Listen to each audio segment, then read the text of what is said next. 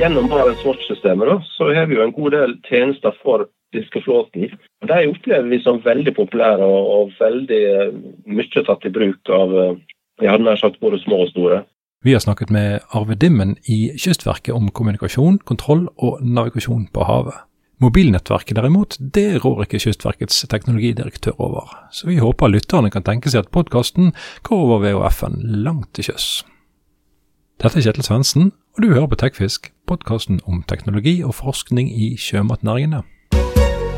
Velkommen til oss, eh, Arve Dimmen. Ja, takk for det. Du er direktør for navigasjonsteknologi og maritime tjenester i Kystverket. Ja. Og Kystverket har en eh, viktig rolle på havet, både alene og i samarbeid med andre etater og myndigheter. Kan du uh, fortelle litt om hva dere Kystverket har ansvar for? Ja, i Kystverket er jo både en, en transportetat, en sjøsikkerhetsetat og en beredskapsetat. Vi, uh, vi ligger under Nærings- og fiskeridepartementet, der vi er søsterorganisasjoner som Sjøfartsdirektoratet og, og Fiskeridirektoratet. ikke sant? Og så er vi en, en, etat som har et veldig stort operativt fokus. De fleste kjenner jo til Eh, kanskje vår innsats innen eh, fyr- og sjømerke, lostjenester, trafikksentral og beredskap mot akutt forurensning. Og så er vi myndighet på en eh, rekke områder. Og så har vi en rekke både elektroniske og andre tjenester til, til de sjøfarende på ulikt vis. Da. For eh, navigasjon og hjelpemidler til navigasjon har jo alltid vært viktig for de som beveger seg på havet, og ikke minst dere. For dere har jo en del andre oppgaver enn bare navigere dere rundt. Ja da, det, det, er riktig. Vi har jo eh, også en, eh, et nasjonalt oppdrag når det gjelder det vi kaller sivil maritim overvåkning. Det er å holde greie på hvor hen skipstrafikken er til enhver tid, og hvordan aktiviteten er. Og Dette er jo data som vi deler med en rekke andre etater i Norge. Det dere gjør, det krever jo en del teknologi, og um, utviklingen står jo som kjent ikke i ro. Kan du uh, dra oss gjennom litt historie rundt det som har vært av kommunikasjon på havet? Ja, På kommunikasjon så er det selvsagt vært en voldsom utvikling. og Det sies vel at den første nødmeldinga fra et skip det var tilbake i 1899 uh, ikke sant? med en, en, et morsesignal som gikk til land den gangen. Men, men, jeg vil si at det er jo først skal si, etter krigen at det ble en, en, stor utbygging av kommunikasjon langs kysten vår, egentlig. Og um, det var vel uh, kanskje så sent på, på 60-tallet og 70-tallet at VHF-kjeden som vi kjenner i dag, ble utbygd. Og så er det klart at det, slik som uh, satellitteknologien har gjort uh, et voldsomt ja, betyr en revolusjon da, for muligheten for å kommunisere når du er ute på havet. Så det er jo et helt annet bilde vi har i dag enn, enn det vi hadde for få år siden på det. da. Telex var jo et viktig kommunikasjonsmiddel? Ja da, Telex har jo vært viktig, og, for så vidt så har vi jo det fortsatt eh, gjennom Navtex-tjenesten. Det, det, betyr jo navigasjons-Telex, eh, egentlig. Og eh, det er jo en del viktige meldinger som, som, blir sendt ut på det den dag i dag. ikke sant? Ja, for det er en måte du kan sende sikre meldinger på? Ja, det er jo en del av, av de, det vi kaller maritim sikkerhetsinformasjon. da navigasjonsvarsel, værmeldinger osv. som blir sendt ut på den måten fortsatt. Hvem er for den som er mottaker av Telex i dag? Ja, altså, Hvis du ser bort fra Navtex, så vet ikke jeg om noen som bruker Telex. Men Navtex så, det, det, det, er jo i, i stor bruk, og det er jo bærekrav på det. Ja. Du har jo også eh, muntlig eh, kommunikasjon, og det var jo litt eh, i avisspaltene om eh, bruken av engelsk, altså kravet om å eh, snakke engelsk under kommunikasjon på havet. Ja, det, altså det er jo sånn at eh, Svært mange navigatører langs kysten de har jo et, et, annet språk enn norsk, og for så vidt nordisk.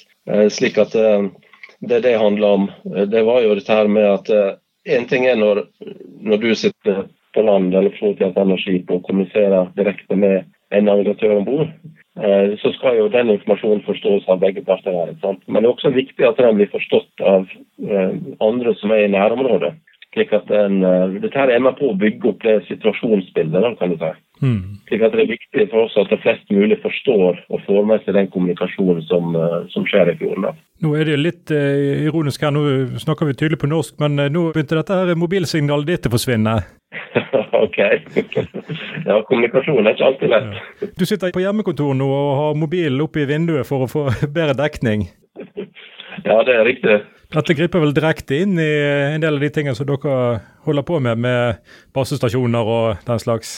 Ja, du kan si mobilnettverk er nok ikke vårt, men, eh, På VHF-tjenesten så bruker vi jo i veldig stor grad kystradioen, men vi har jo også en, en rekke egne stasjoner spesielt i tilknytning til våre trafikksentraler. I 2020 så ble satellittnettverket Safetycast introdusert. Eh, og Det var jo en eh, overgang som du sa, fra radio til satellitt. Kan du fortelle litt eh, om, om det og innføringen der? Norge var jo verdens første som tok i bruk. Ja, du kan si at Safetycast er en del av det såkalte GMDSS-systemet. Og Det står jo for Global Maritime Distress and Safety System, som en del av si, sikkerhets- og nødkommunikasjon på havet. da. Og Det som er spesielt med SafetyCast, er at det er såkalte polarbanesatellitter. Det er jo de som Iridium har, som er 66 satellitter som går går i polarbane. Og Det betyr at den tjenesten har dekning i våre polarområder. Eh, tidligere så baserte vi oss hovedsakelig på innmarsj på den type meldinger. Og De har jo da som kjent eh, geostasjonære satellitter. Det vil si at de, de er god dekning opp til en 70-71, kanskje opp i 75 grader nord. Men deretter begynner det å bli veldig dårlig. da. Eh, slik at uh, dette gir en, en, mye bedre tjeneste i, i nordområdene enn det vi hadde før. For dette er jo som du sier, nød- og sikkerhetsmeldinger, uh, ikke minst? Ja, det er det. slik at du, du, kan si at For oss så betyr det at vi kunne sende navigasjonsvarsler til polare strøk da, ved bruk av, av satellitter. Og og, så, så, for oss så, så hjelper det veldig på det å kunne kommunisere til nordområder på en god måte. Og dette er jo trafikk begge veier?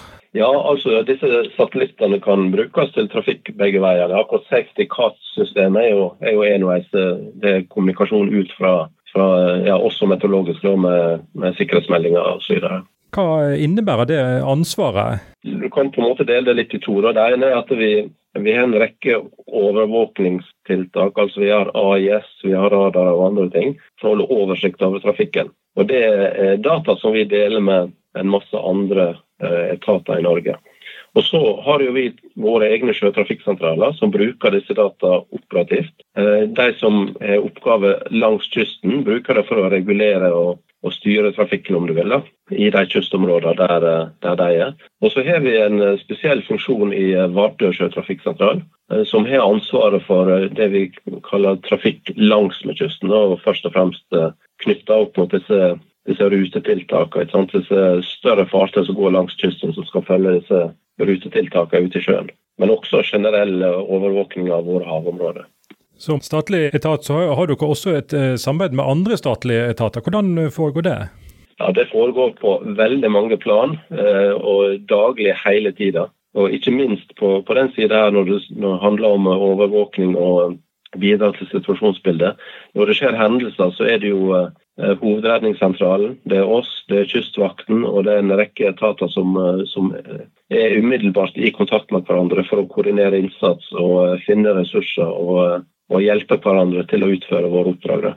Det er jo typisk slik at HRS-en, eh, hovedredningssentralene, de har jo ansvaret inntil eh, liv og helse er avklart. Og så er det gjerne Kystverket som tar over hvis det er et fartøy i drift eller sånne ting etterpå. Vil du si at dette er et eh, finslepet samarbeid, eller er det fremdeles ting som kunne vært gjort bedre? Nei, jeg vil si det er et veldig godt samarbeid med det vi kaller de andre etatene som har operativt ansvar til sjøs. Eh, og så jobber vi jo stadig med å forbedre våre system som samarbeid, våre prosedyrer og måten vi gjør det på. Vi gjennomfører øvelser, og det er hele tida forbedringspotensial. Men det er et veldig godt løpende operativt samarbeid. Og det, det har vi vist ved flere anledninger nå eh, siste året. Da. Du nevnte så vidt eh, AIS, og du har jo både AIS og NAIS, eller NICE hva betydning har det fått for myndigheter og de som ferdes på havet? Ja, du kan si AIS det var, jo, det var jo virkelig en revolusjon for vår oversikt over hva som, som skjedde på havet, om du vil. Eh, vi skal ikke lenger tilbake enn for 20-25 år siden, så visste vi egentlig veldig lite om hvor et skip eh, befant seg etter det forsvant eh, bak horisonten, ikke sant? før det dukka opp igjen i havn en annen plass i, i verden. Men nå har vi jo egentlig full oversikt over hele seilasen. Vi har god dekning langs kysten. Det er ca. 20 år siden vi bygde ut eh, den eh, kystkjeden vår. Og for 11-12 eh, år siden så begynte vi med satellittene våre, slik at vi har oversikt over havområder. Og så er det i tillegg en rekke samarbeidsavtaler med andre, slik at vi har en, egentlig en veldig god global oversikt over skipstrafikken. Så det var på mange måter som å slå på lyset på havet. Nå, nå ser vi veldig mye av hva som foregår. Hva ga Nice eh, til dette? Ja, Nice det er jo du kan si fra, fra, ganske tidlig så har vi hatt et system som vi kalte AIS Online. og Det er basert på en litt gammel plattform, nå, så det skal fases ut snart. Og det Vi gjorde da, det var vi bygde en del av den funksjonaliteten vi hadde der inn i et nytt system som vi kaller NICE, som er utvikla av vår Barents Watch-avdeling. Og Det vi gjør der, er at vi tilbyr en veldig enkel måte å få til en god funksjonalitet for å dele en del av disse AIS-dataene. Så det skal være enkelt for brukeren, samtidig som vi vi bygger ut med mer funksjonalitet etter hvert som eh, behovet oppstår. Her, en forkortelse som eh, kom til i bildet i det siste, det er jo VMS, altså Vessel Monitoring System, som kom samtidig med ERS. Hva går det ut på? Og hva er forskjellen mellom AIS og VMS? Ja, Jeg kan jo ta litt om AIS. da. Det er jo, eh, AIS er et åpent system. Det vil si at Eh, du sender ut egentlig informasjon i, i klartekst og kringkaster den rundt deg. Eh, slik at det, det vi gjør som, som kyststat, det fanger opp de signalene og distribuerer det videre. Og AIS er et bærekrav på alle skip over en viss størrelse globalt. Og I tillegg så er det egne nasjonale og EU-krav for fiskerifartøy f.eks. Eh, mens VMS det er jo et system som Fiskeridirektoratet administrerer. Og Det er jo mer et lukka eh, rapporteringssystem. da. Eh, slik at det er en litt annen funksjon enn en AIS eh, på det. Men som sagt, både VMS og ERS, eller den elektroniske fangstdagboka der, da, ja. det er jo ting som, som tilhører Fiskeridirektoratet, så det er kanskje de som best kan svare på hva det er, eh, egentlig er forslaget. For Dette er jo systemet som sender kontinuerlig data om fiskefartøyenes eh, aktivitet og posisjon?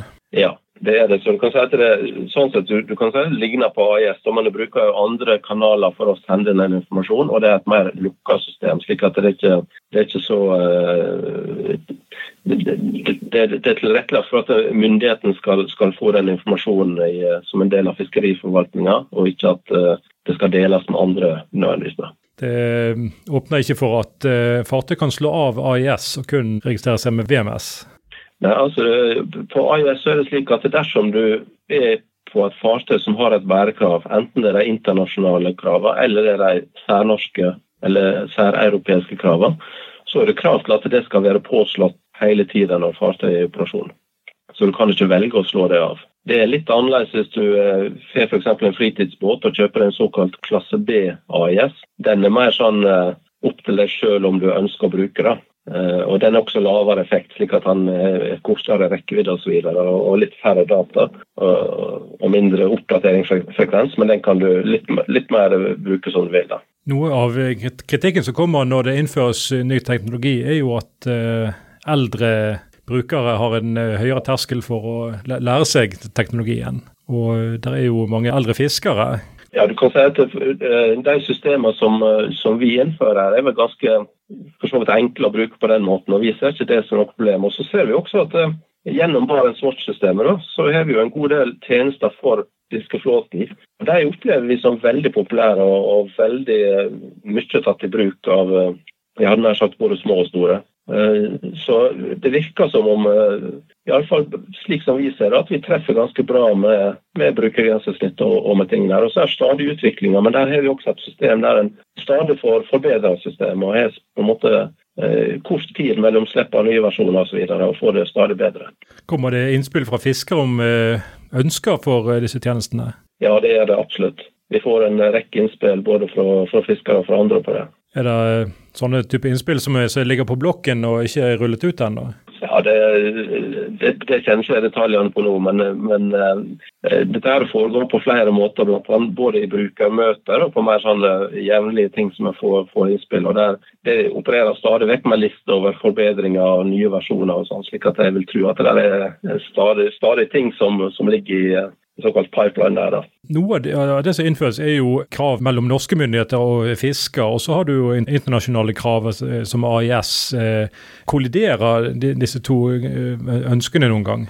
Ja, Du kan sikkert finne eksempel på det, men, men, eh, for oss er det veldig viktig at vi er tett med i det internasjonale arbeidet, slik at vi får innført de ønsker og behov som, som vi ser vi har i Norge, da, i de, disse internasjonale standardene og kravene. Og Det er veldig viktig at vi deltar i det arbeidet, slik at vi unngår nettopp det du, du sier der. Og det er klart For oss så er det en er det noen organisasjoner som er veldig viktige. Det er IMO, som er FNs sjøfartsorganisasjon. Det er IALA, som er på en måte trafikksentral fyr- og merkeorganisasjon. Og så er det en del eh, som handler mer om kommunikasjon, om kart, om værmelding osv. Som, som andre enn oss er tett på, men vi er, er på en måte tett på arbeidet gjennom eh, samarbeidspartnere i Norge. Så det foregår en eh, standardiseringsarbeid på flere plan?